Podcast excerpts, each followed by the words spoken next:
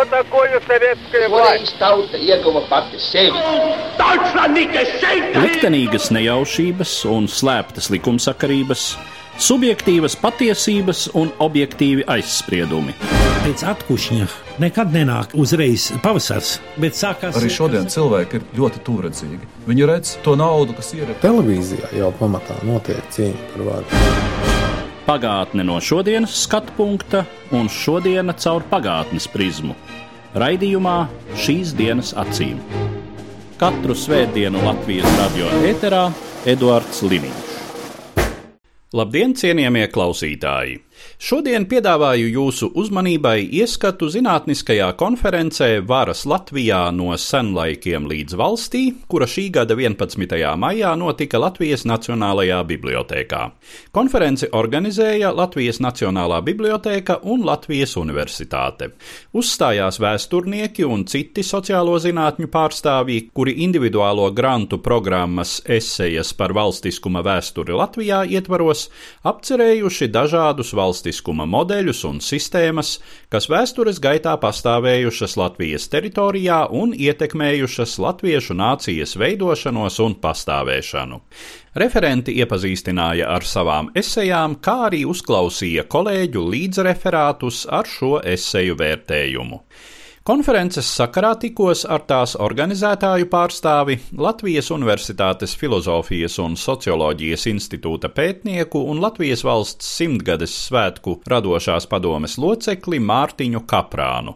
Mūsu saruna pamatā izvērtās par to, cik lielai un kādai vajadzētu būt valsts politikas ietekmei uz vēstures procesu apzināšanos sabiedrībā. Droši vien būtu vispareizākais sākt ar tādu diezgan nu, nonivelējošu pieeju, pasakot, ka pilnīgi jebkura valsts nodarbojās ar vēsturiskas apziņas veidošanu nu, visdažādākajos veidos, sākot ar izglītības sistēmu un beidzot ar dažādiem rituāliem, piemiņas pasākumiem. Tas ir tas veids, kādā vēsturiskā apziņa tiek veidot un pārveidot no paudzes paudzē ar valsts politikas līdzdalība, protams, jo daudz kam no šīm praksēm ir tīri oficiāls raksturs. Kaut vai nezinu, kuras vēstures grāmatas apstiprināt kā ieteicamo mācības līdzekļus un kurus nē. Man liekas, ka ļoti svarīgi, nu, ja mēs tomēr pie tās Latvijas specifikas turamies, ka tā valsts politika neuzbāzīgā veidā tomēr veids tādu arbitra lomu, ņemot vērā, ka tā Latvijas vēsture, protams, 20. gadsimta kontekstā ir īpaši bijusi asām šķautnēm un varbūt ļoti konfrontējoša. Un, tiksim, katrai grupai gribētos to savu stāstu izcelt, un arī pat latviešu vidū, tiksim, etnisko latviešu vidū stāsts par to, vai ulmaņa laiks, vai laiks līdz ulmaņa apvērsumam, kurš tur ir labāks bijis, kuri mīti ir labāki vai spēcīgāki.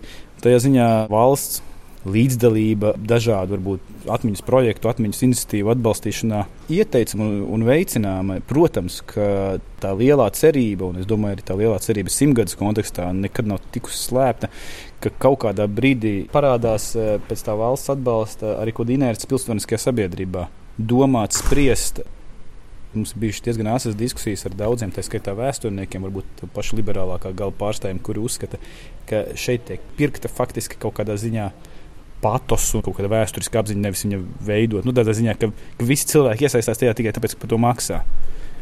Piekrītot šādai premisai, jo man liekas, ka jebkuras šādi pasākumi nav iedomājami bez kāda budžeta. Es tomēr zinu to bildi arī par reģioniem. Nu, piedāvājumi nevienmēr tie paši kvalitīvākie, kas nāca, kad bija uzsaukums, ka lūdzu piedāvājiet, nu, ka pirms kādiem četriem gadiem sāka domāt par to programmas veidošanu simtgadus. Tur neiedomājama aktivitāte tas, ka Rīgā šeit dzīvojot, ja tajā, kā Karis Broņislavs Mārtiņš mīlēja teikt, šajā pīļu dīķī dzīvojot un nezinot, kas piemēram notiek tajos pašos reģionos, es domāju, reģionālā vēsture, novada pētniecība. Tieši simtgadus kontekstā un vispār Latvijas vēstures kontekstā ir viens veids, kā valsts var palīdzēt viņai iznākt uz ārpusi.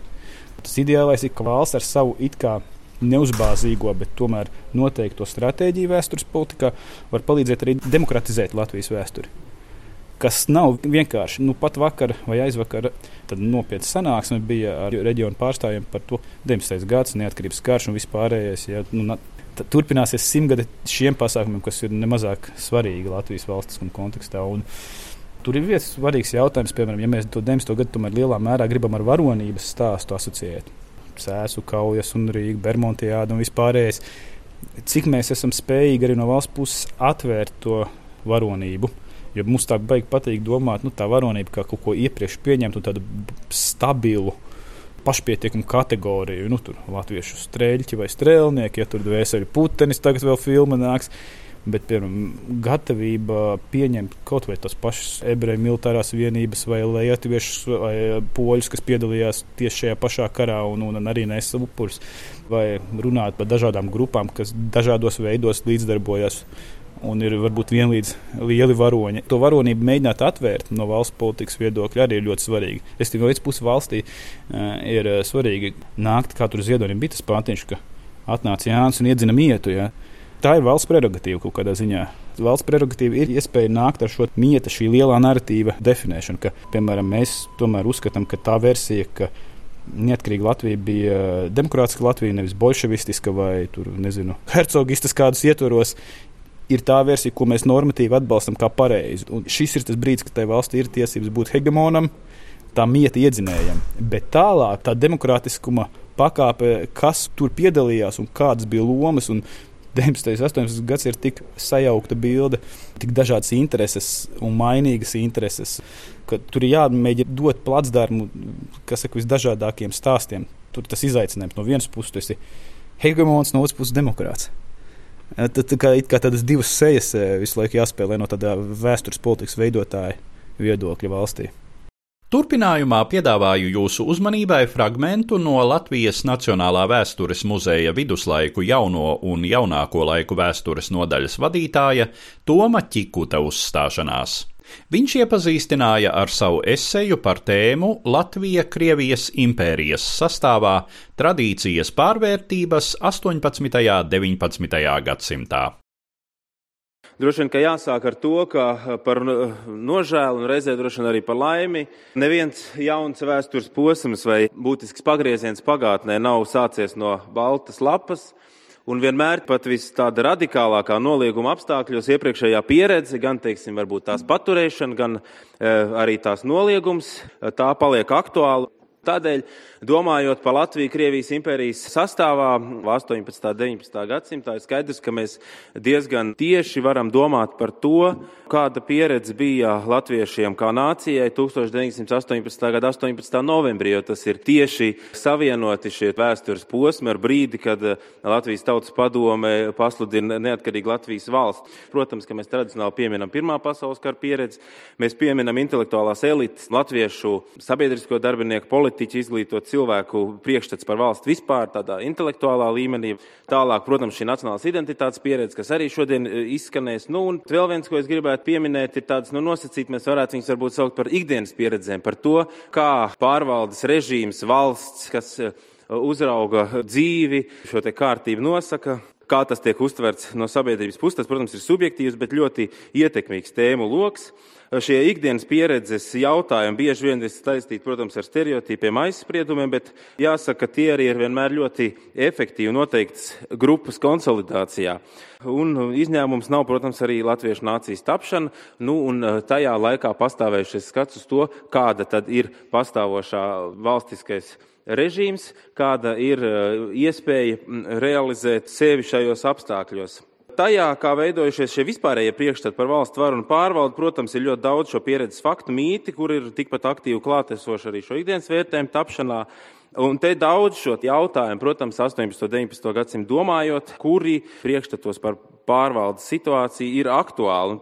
Latviešu atbaltiešu tēma, Baltijas autonomija, mužniecības politiskā vara attieksme pret to, arī šie 700 verdzības gadi, nu, uz šī mīta pamata vai uz šī stāsta pamata gal galā arī top latviešu nācija šī vēsturiskā izpratne, agrārās jomas problēmas, cariskā patvaldība un tās politika un tā tālāk. Saredzu 18. un 19. gadsimta skatījumu, kā tradīcijas un pārmaiņu miedarbības laiku. No vienas puses šais divos gadsimtos ievērojami paplašinās zemnieku kārtas, nu, un arī, protams, latviešu iespēja iesaistīties pārvaldes procesos un vienlaiks ārkārtīgi spēcīgi, nemainīgi spēcīgi, var teikt, saglabājas šī tradīcijas ietekme, ja Baltijas telpa, tās kultūras politiskie saimnieciskie nosacījumi. Nu, ja domājam par tradīciju, tad, kā jau es šeit minēju, tad tas priekšstats par var, varas pamats, protams, ir Baltijas autonomija un mužniecības kā kārtas politiskā vara un ietekme. Tas gan nosaka to, uz kādiem pamatiem top latviešu nācija, tā ir tā noturīgā Baltijas robežas telpas apziņa, kultūras mantojums, jau, uz, uz kuras pamata gal galā izauga arī jaunatvieši, kur varbūt ir tā kā opozīcijām šim visam mantojumam, bet bez šaubām ir izaugusi no šī mantojuma. Ir skaidrs, ka šī Baltijas autonomijas situācija palīdz uh, saglabāt arī reģionu reģionu citātību. Protams, latviešu nācijas tapšanas laikā pret to, kā varas organizācijas veidu, nu, protams, ir eh, kritiska attieksme un eh, faktiski jau mēs varam teikt, ka zināmā mērā šī attieksme jau ir tāds diezgan noteikts pagātnes fons jau no 18. gadsimta vismaz, ja, jo arī atsaucas uz to, kā zemnieku uzlūko pastāvošo pārvaldes sistēmu, ko mēs varam atrast 18. gadsimta rakstītajos avotos, ir tāda izjūta vietām no šiem rakstītiem avotiem, ka šī mužniecība varu tā tad izmanto ļaunprātīgi pret zemnieku interesēm, un tā tad ir tā kritiskā attieksme, kas nu ir zināms pamats un fons, kas vienmēr ir pastāvīgs pastāvējis. Protams, faktiskā kārta iziršanas 19. gadsimta otrās puses modernizācijas procesā vēl vairāk dod šai Baltijas tradicionālai pārvaldes sistēmai šādu anahronisko tēlu. Tas, protams, ir jautājums, vai tas tāds ir vai nav, vai tā darbojas vai neefektīvi. Tas ir cits jautājums, bet šādu tēlu bez šaubām daļā publicētā materiāla tas rāda. Un tikai 19. gadsimta 70. gadu beigās šo kritisko attieksmi pret vācu baltiešu mūžniecības vāru Baltijas autonomijas principu papildina Latviešu sabiedrisko darbinieku publicēta apcerējuma par to, ka Baltijas autonomija kā fakts ietver varbūt arī kaut ko pozitīvu, ko tikai aizēno mužniecības varas dominēšana. Respektīvi, Baltijas autonomija varētu būt pozitīvs princips, ņemot vērā, ka tas ļauj efektīvi īstenot vietējās intereses, bet to negatīvi padara mužniecības politiskā dominēšana. Otra lieta, ko nosaka šī zemnieku kārtas atšķirtība no varas, nosacīt mēs varam teikt, nu, tāda tradicionālā segregācija, ja šī kārta sabiedrības pastāvēšana un tas, cik lielā vai mazā mērā zemnieku kārta ir iesaistīta pārvaldē. Protams, mēs varam teikt, ka tas ievērojami pieaug 19. gadsimta gaitā līdz brīvlaišanu un e, līdzdalību vietējā pašpārvaldē, bet, protams, tā kopumā ir relatīvi vāja tomēr latviešu sabiedrības iesaist pārvaldes procesos. Gan tas, gan arī Krievijas šis autokrātiskais politiskais režīms kopumā nu, sašaurina arī priekšstats par varu un kavē zināmā mērā vispārīgas diskusijas par to, kāda tad ir valstiskuma nākotne politiskie redzējumi latviešu nācijai kopumā. Ja, tas um, tikai 19. gadsimta beigās varbūt izvirzās priekšplānā, un arī, ja skatāmies, piemēram, Manasēna revīzijas laikā, 80. gadu pirmā pusē, tomēr drīzāk dominē uh, konkrētu reformu prasību izvirzīšana, nevis tāds varbūt aptverošs skatījums par to, kas mēs esam un kāda ir jābūt mūsu tālākai politiskajai nākotnē. Trešais punkts, protams, kā aktualitāte, kas ir nemainīgi aktuāla 19. gadsimta gaitā, tiesību paplašināšana, jeb emancipācijas prasība, kā centrālais moments latviešu sabiedrības prasībās, gan agrārajā jomā, gan citās, un kopumā jāsaka, ka reformu virzība latviešu sabiedrību un arī faktiski zemnieku kārtu jau iepriekš, ja mēs skatāmies, kopumā neapmierina, un vienīgās ieviestās reformas pagastu pašvaldības tiesu pārvaldes jomās 19. gadsimta otrā pusē arī nes virkni negatīvu blakus parādību. Un faktiski latviešu tā izjūta, ja mēs domājam, teiksim, 20. gadsimta sākumā, tomēr aizvien ir tāda, ka nepieciešamās reformas nav pietiekamā līmenī ieviestas. Nākamais moments, tādā citā rakursā, mēs varam paskatīties uz priekšstatiem par to, kāda ir apkārt pastāvošā sociālā un politiskā kārtība, kas ir arī būtisks domājot par mums tajā brīdī, kad mēs uznākam uz jauno valstu tapšanas skatuves. Tā, protams, ir nu, tāda zināma opozicionārisma deva, kas raksturo latviešu sabiedrību, pretkustība dažādās izpratnēs, pretkustība pret gan tuvošo mužniecības varu, gan tālo Krievijas impērijas centrālo varu. Nu, un pēdējais pēdējais zināma radikalitāte arī, kas eh, iezīmējas latviešu sabiedrības prasībās tajā brīdī, kad ir šī izjūta par to, ka reformas pietiekamā mērā netiek ieviestas. Nu, un, eh, ja mēs arī paskatāmies varbūt uz tiem 38 Latvijas tautas padomas locekļiem, kuri stāv uz toreizējā Latvijas operas trupas mājvietas skatuves, un pasludina Latvijas valsts, tad to vidū mēs varam sastapt pietiekami daudz cilvēku ar 905. gada revolūcijas pieredzi, tā skaitā pietiekami radikāliem uzskatiem. Tas uh, parāda arī šī faktora lomu uh, priekšstatu par valstī un pārvaldu tapšanā. Un nu atgriežos pie sarunas ar Mārtiņu Kaprānu. Runājam par Latvijas valstiskuma simtgadi kā iespēju vēstures tēmu aktualizācijai sabiedrībā. Simtgadi, protams, mūs ļoti ielika ciešos rāmjos, ka mums jārunā par tiem simts gadiem. Un te parādījās tā inerce, kur jau vairs īsti nevar to pilsoniskā sabiedrība, to tā plašākā saprotot arī nezinu, akadēmisko kopienu, ka tas simtgades konteksts patiesībā kļuva par zinu, lai tu reflektētu par krietni plašāku vēstures periodu Latvijas teritorijā. Un, ka tā simtgade iedod tev sāsina uzmanību, pievērst uzmanību vēl daudziem svarīgiem pagrieziena punktiem nācijas tapšanas, kultūras, politiskās un sociālās transformācijas procesos. Man liekas, ka ir ļoti interesanti un vērtīga. Bet, nu, protams, tas ir tikai pašos sākumos. Diskusijas sākusies par pilnīgi maz apjaustiem, apjēgtiem laikiem, kas ir kaut kāds 13. gadsimts, baltu ciltis, tā simtgade. Un tā ir tā lielā cerība, nu, vismaz no manas puses, ka tā no vienas puses liks ļoti domāt tieši par šiem simts gadiem un ne bez grūtībām. Viens ir, protams, tradicionālais stāsts par kā vērtēt, piemēram, to pašu Ulmaņa autoritāro režīmu. Bet es teiktu, ka simtgadus kontekstā mēs joprojām ļoti piesardzīgi, lai neteiktu, ka aizveram acis par 50 okupācijas gadiem, bet īpaši par pēcstaļinisma periodu. Mēs it kā politiski un valstiesiski šī nav daļa no Latvijas valstiskuma tajā ziņā, ka tā ir okupētā teritorija, bet tajā pašā brīdī visus kultūras elites produktus tajā laikā radītos un kultūras elites pašu mēs ierakstām absolūti iekšā simtgadē, kā daļu no Latvijas simtgades. Un šī duālā spēle, ka tas laiks neskaitās, bet vienlaikus skaitās kultūrāli ir ļoti interesanti. To mēs, protams, arī noslēguma koncertā nu pat dziesmu svētkos. Ja, nu, Petera vairākas dziesmas. Vēl dažs labs komponists un dzinieks, kas tomēr tajā laikā radīs šos vēstījumus. Cik mēs viegli no vienas puses to pieņemam, bet no otras puses, nu, ja tu sāki reflektēt, tas nav tik ērti, jo mēs te kā diskvalificējam šo laiku. Tur 60, 70, 80 gadu pirmo pusi no Latvijas simtgades stāsta. Viņš neparādās, viņš faktiski neparādās pēc būtības. Es sagaidītu, ka būtu refleksijas vairāk par šo. Ir bijuši daži, daži mēģinājumi uzdot šos jautājumus neērtos. Ko mēs darām? Nu, cik mēs okupācijas periodu tomēr sasaistām ar simtgadi? Padomju atkarības periodu Latvijas vēsturē savā esejā Latvijas vēsture postkoloniālās perspektīvas skatījumā PSRS koloniālā politika Latvijā aplūkoja Vidzemes augstskolas rektors Gatis Krūmiņš. Un tēma patiesībā ir pietiekuši sarežģīta, jo lielākā daļa no jums šo laiku posmu atcerās. Bet, kā mēs zinām, mūsu atmiņas arī ir diezgan selektīvas, ka ko mēs atceramies, kaut ko nē. Arī mana vecā māte, kad viņa atgriezās no Sibīrijas un stāstīja pēc tam jau pēc kāda laika to, viņa teica, jā, mums tur gāja ļoti labi un tā, mēs jā, pa ceļam turp raudājam tā.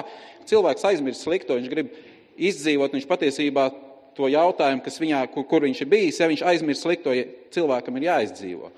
Ja mēs paskatāmies par šo jautājumu, kāpēc viņš ir tik diskutabls patiesībā, no vienas puses tā ir diskusija par to, vai mēs gribam paši atzīt, ka mēs kaut kādā brīdī esam bijusi statusā, kad pret mums ir vērsta koloniāla politika. Un otrs, protams, ir jautājums tas, ka joprojām šī tēma ir ārkārtīgi diskutējama ne tikai Latvijā, mūsu sabiedrībā, bet daudz plašāk. Ja? Par to daudz runā austrumos, arī rietumos. Ziņā, kas tad mēs bijām, kāda mēs bijām? ja mēs runājam Latvijas kontekstā, tad, protams, tā viena no tām iezīmēm ir tā, ka mūs kolonizēja valsts, kas bija zemāk attīstīta. Faktiski lielā daļā gadījumu ir tā, tomēr tās valstis, kas ir e, tās, kuras ir kolonizatori, viņi ir gan tehnoloģiski, gan daudzās citās jomās attīstītāki. Mums bija pretējs gadījums, vienkārši milzīgs pārspēks no otras puses. Un tā diskusija lielā mērā pamatā ir arī par šo. Vai tiešām tā bija? Jo viens no tiem mītiem par šo laika posmu ir, būvēja milzīgas rūpnīcas, celtnes, bija milzīga industrializācija. Vai tiešām var būt, ka mēs varam šo laiku posmu kaut kā saistīt ar koloniālo politiku? Iespējams, ka nē. Tā pati diskusija, kas bija pirms tām patiesībā. Kas tā bija par valsti? Padomju laikā ļoti meistarīgi izmantoja un tālāk veidoja šo mītu par Latviju kā agrāru valsti, kas bija 20. un 30. gados, kur Kārlis Ulmans postulēja, ka Latvija ir agrāra valsts, bet tikai padomju laikā tam piekabināja klāt atpalikusi valsts. Lai arī mēs paskatāmies uz mūsu saimniecisko profilu, diezinu vai agrāra un atpalikusi valsts spētu saražot pasaules konkurētspējīgu produkciju.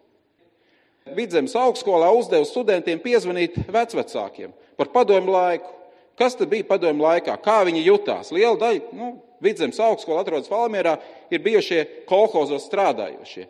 Un atbildes patiesībā bija pārsteidzošas. Liela daļa teica, vai bija ļoti labi. Mums bija daudz naudas, un visu laiku mums bija daudz dažādas balles, mēs gājām visur, kur principā atmiņas drīzāk ar plusu nekā ar mīnusu. To, kāda varbūt bija tā realitāte. Ja? Daudz lietas viņi ir aizmirst par to. Kāpēc aizmirst? Ja? Protams, cilvēki bija jaunāki, stiprāki, mīlēja, veidoja ģimenes, tā bija daļa no dzīves. To, ka bija daudz naudas, ka nauda visu laiku bija, iespējams, ka bija, tāpēc, ka vienkārši nebija ko pirkt to naudu. Var saprast. Bet tādā pašā laikā, ja mēs paskatāmies, mēs nedrīkstam aizmirst to faktisko realitāti, ka mēs ienācām Padomju Savienībā vienā statusā, kā viena patiesībā no Eiropas strauji augošām valstīm, un kādā situācijā mēs no viņas iznācām ārā 90. gadā. Kur mēs bijām, kādā līmenī atkal pavisam citas kategorijas valstīm. Un tāpēc ir vajadzīgi pētījumi, un tas ir viens no tiem maniem pētījumiem, ja, kurus liku lielā mērā pamatā pierādīt, ka Padomju Savienības politika Latvijā bija koloniāla. Kāpēc? Tāpēc, ka arhīva dokumenti to pierāda, ka attiecībā uz finanšu norēķiniem ļoti lielas summas tika pārsūtītas vienkārši uz Padomju Savienību. Krievijas mēdī vienkārši piedāvā publikācijas, pilnīgi pretēji. Eh, Krievijas federācija, Baltkrievija, šīs šobrīd draudzīgās valstis bija investori, savukārt mēs vairāk patērējam. Es saskaitīju, kāda bija ieņēmuma un izdevuma no Latvijas. Nu, pirmais secinājums ir tas, ka starpība diezgan liela, ka no Latvijas šie ieņēmumi bija lielāki, izdevumi mazāk. Jautājums, kur tā nauda palika? Nu, Latvija bija daļa no PSRS, un viena daļa no tās naudas aizgāja uz Latvijas PSR budžetu, otra daļa aizgāja uz PSRS budžetu mēs konstatējam ļoti interesantu lietu. Un tas ir tas pamats, ko es runāju par koloniālo politiku, ja mēs runājam tīri par tautsēmniecību. Tad, tad lielāka, daudz lielāka summa aizgāja uz PSRS nekā atgriezās. Starpība pietiekoši liela, tie kaut kāda 18%, pat nedaudz vairāk. Mēs to varam saukt par Padomju Savienības kohēzijas politiku, ja? bet vai kāds mums prasīja par šādu veidu kohēzijas politiku? Un, eh, ja mēs arī paskatāmies nedaudz dziļāk, nu kā tad dalījās tās summas, kuras Latvijā atgriezās? Tāpat ir jautājums, kādos laika posmos vairāk, kādos mazāk. Patiesībā princips bija diezgan līdzīgs. Mēs varam novērot kaut kādas tendences. Ļoti daudz līdzekļu aizgāja no Latvijas tieši pēckara gados, un pēc tam otrs, kur pieaug šī starpība, mēs paskatāmies, tas ir pēc tā saucamo nacionālo komunistu apkarošanas. Mēs redzam, 60. gadi, 70. tad vēl lielāka pieaug šī starpība, cik liela nauda aizgāja projām. Padomu Savienības attieksme bija tāda, ka maksimāli vajag eksploatēt Latvijas teritoriju, iedzīvotājs un visus ieņēmumu tā daļa, kas paliek pāri, kaut kur izlietot citur ārpus Latvijas. Ja mēs vēl paskatāmies dažus aspektus, demogrāfija, piemēram, viena lieta, ka mēs paskatāmies, kā iedzīvotāju skaits, piemēram, ja mēs salīdzinām tā normāla statistika, piemēram, 39, 56. Ja, nu, Tā normāli, jā, pēckara laiks iedzīvotāju skaits ir apmēram tāds pats. Bet, ja mēs paskatāmies, ko mēs zaudējam, ko mēs dabūjām vietā, patiesībā kas notika Latvijas intelektuālās galdas nociršana notika. 40. gados. Mēs pazaudējam divas ļoti spēcīgas etniskās minoritātes, intelektuāli visspēcīgākās, diemžēl, vācu baltiešus un ebrejus. Liela daļa no mūsu elites aizbrauc vai tika represēta, un ko mēs dabūjām vietā? Mēs dabūjām pāri 400 tūkstoši imigrantu, kas patiesībā bija bēgļi no padomju sistēmas. Nevaram atrast dokumentus, ka viņus speciāli iesūtīja. Jā, kaut kāds pārstāvs, nomenklatūras pārstāvs iesūtīja, kurš pēcdienas vai kas, bet lielākā daļa bēga no bada padomju savienībā, jo Latvijā bija daudz labāk. Un savukārt šo starpību pēc tam ļoti veiksmīgi varēja iztulkot. Ja, piemēram, ja kāds 50 gados atbrauc no Padomju Savienības uz Latviju, viņš ieraudzīja to situāciju, jā, Latvijā ir labāk. Un jā, avīzes ir pilnas, ka ir graudi vēsti, tur palīdzēts, būvē rūpnīcas Latvijā par padomju naudu. Viņš saka, tas viss par mūsu naudu, ja, ārprāts. Ja. Tā, kā, nu, tā ir tā realitāte. Turpinājumā vēl viens fragments no manas sarunas ar Mārtiņu Kaprānu. Domājot un mēģinot arī kā žurnālistam par to runāt, es laiku pa laikam saskaros ar tādu pretrunu, kas, protams, nav aktuāla ne man, kā žurnālistam, kas nodarbojas ar vēsturi, ne tev kā vēsturniekam, bet um, kas sabiedrībā kaut kur pastāv.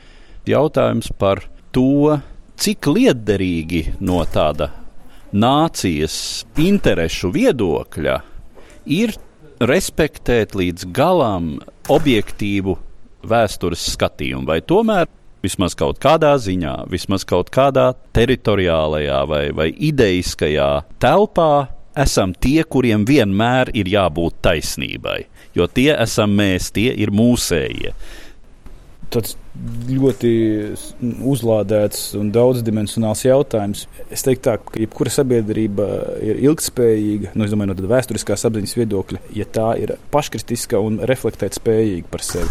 līdz ko tai zūd interesi par sevi. Manā skatījumā tāda sabiedrība uh, virzās tādā entropijas un pašiznīcināšanās virzienā, kā sabiedrība. Ka viņai zūd pašai par sevi interesi. Tā skaitā vēsture ir viens ļoti svarīgs, uh, viena dimensija, kur šī interese sabiedrībai pastāvīgi par sevi veidojas un tiek uzturēta. Kas mēs esam, no kurienes mēs nākam un uz kurien mēs dodamies no kaut kurienes. Tas ir vienmēr bijis kā viens svarīgs materiāls degvielu domāšanai. Cik daudz valsts viņai ir svarīgi uzturēt šo patiesības monopolu. Nu, šis sarkanās līnijas noteikti, ja, kur ir varbūt morāli pareizais no mūsu perspektīvas, skatoties eh, vēstures eh, rakurs un interpretāciju, kuri varbūt jau morāli neattaisnojumā. Nu, tas pajautājums ir ļoti labi, bet es negribu, lai no tā jautājuma rastos uh, tas iespējas, ka nošķīrums starp valsti un demokrātisku, pašreflektējošu sabiedrību. Skaidrs, ka teiksim, tādā institucionalizētā veidā valsts eh, un tās politika ir orientēta uz standartizētu, schematisku vēstures interpretēšanu, pieņemšanu un aizstāvēšanu. Tā skaitā starptautiskajā telpā. Tādēļ mēs nebūsim nekad gatavi atzīt uh, stāstus par to, ka kaut kādas brīvprātīgas pievienošanās ir bijušas Padomju Savienībai vai vēl kaut kas cits, un ka varbūt te bija sociāliskā revolūcija nezinu, 18. vai 19. gadās vai 17. Un tur parādās tā iespēja uh, dot brīvību plurālismam un daudzveidībai, ka valsts no savas puses arī atbalsta un kaut kādā ziņā nekaunās atbalstīt uh, alternatīvus, alternatīvus skatījumus. Kā zināmu rezumējumu mūsu šodienas raidījuma tematam piedāvāju jūsu uzmanībai fragmentu no Eiropas Savienības tiesas tiesneša Egīla Levita uzstāšanās konferences Varas Latvijā no senlaikiem līdz valstī ievaddaļā. Tagad jautājums, vai demokrātijai vajag savu atmiņu politiku. Tas, ko mēs atceramies, nav nejauši, un tas, ko mēs atceramies, nav neitrāli. Mēs atceramies to, kas ietilpst mūsu vēstures priekšstatā, un to lielā mērā ietekmē sabiedrības iekārta, politiskā un valsts iekārta. Katrai valstī ir jābūt savai atmiņai, jo atmiņa veido daļu no valsts identitātes. Ja valstī nav savas atmiņas, tādā gadījumā valsts ir trausla un valsti ir viegli manipulēt un deleģitimēt. Tātad atmiņu politikai un līdz ar to atmiņām ir svarīga leģitimācijas nozīme, valstiskā eksistencē, leģitimācijas nozīme. Un arī demokrātiskai valstī vienmēr ir sava atmiņu politika, un to arī veido Latvija savu atmiņu politiku, atbilstoši tam, kā tas ir nepieciešams demokrātiskā sabiedrībā. Katra valsts šo atmiņu politiku veido tā, lai izveidotos kopējs stāsts. Un šis stāsts, man jāsaka, gan kā atmiņu politika nav vienīgais veids, kādā veidā veidojas sociāla atmiņa. Blakus veidojās arī automātiski, teiksim, cilvēki paši veido savu atmiņu, un tādēļ tā nedrīkst būt pārāk tālu no šīs cilvēku atmiņas, kas gan sniedzas ne vairāk kā trīs paudzēs. Taču parasti šajā atmiņu politikā ietilpst stāsti, kas ir pozitīvie stāsti, un stāsti, kas ir negatīvie stāsti. Citiem vārdiem - varoņu stāsti un traģiskie stāsti. Un arī vēl ikdienas stāsti, kas ir pa vidu. Un šie visi veido priekšstatu par to, kas ir mūsu valsts vēsture, kāda ir tā ir bijusi. Un šis priekšstats, vēlreiz atkārto, ir atkarīgs no valsts un sabiedrības politiskās iekārtas, kuru veido ne tikai politiķi, un to es gribu uzsvērt, ne tikai politiķi, Tas nav, teiksim, politiķi, kas sakot, nosaka, ko veido, kāda ir mūsu šī sociālā atmiņa, šī valsts atmiņa. To nosaka visa sabiedrība kopumā, bet valsts var to ietekmēt. Valsts var, teiksim, zināmā veidā ar savu politiku virzīt šo atmiņu veidošanu. Līdz ar to izskan mūsu šodienas raidījums, kurā pieskāros vienam no Latvijas valsts simtgades programmas pasākumiem - konferencei Vāras Latvijā no senlaikiem līdz valstī, kura šī gada 11. maijā notika Latvijas Nacionālajā bibliotēkā. Raidījumā izskanēja saruna ar Latvijas valsts simtgades svētku radošās padomes locekli Mārtiņu Kaprānu, kā arī fragmenti no konferences dalībnieku uzstāšanās. Dzirdējāt Latvijas Nacionālā vēstures muzeja viduslaiku jauno un jaunāko laiku vēstures nodaļas vadītāju Tomu Čikutu, Vidzemes augstskolas rektoru Gati Krūmiņu un Eiropas Savienības tiesas tiesnesi Egīlu Levitu. Uz redzēšanos, cienījamie klausītāji! Katru svētdienu Latvijas radio viens par pagātni sarunājas Eduards Liniņš.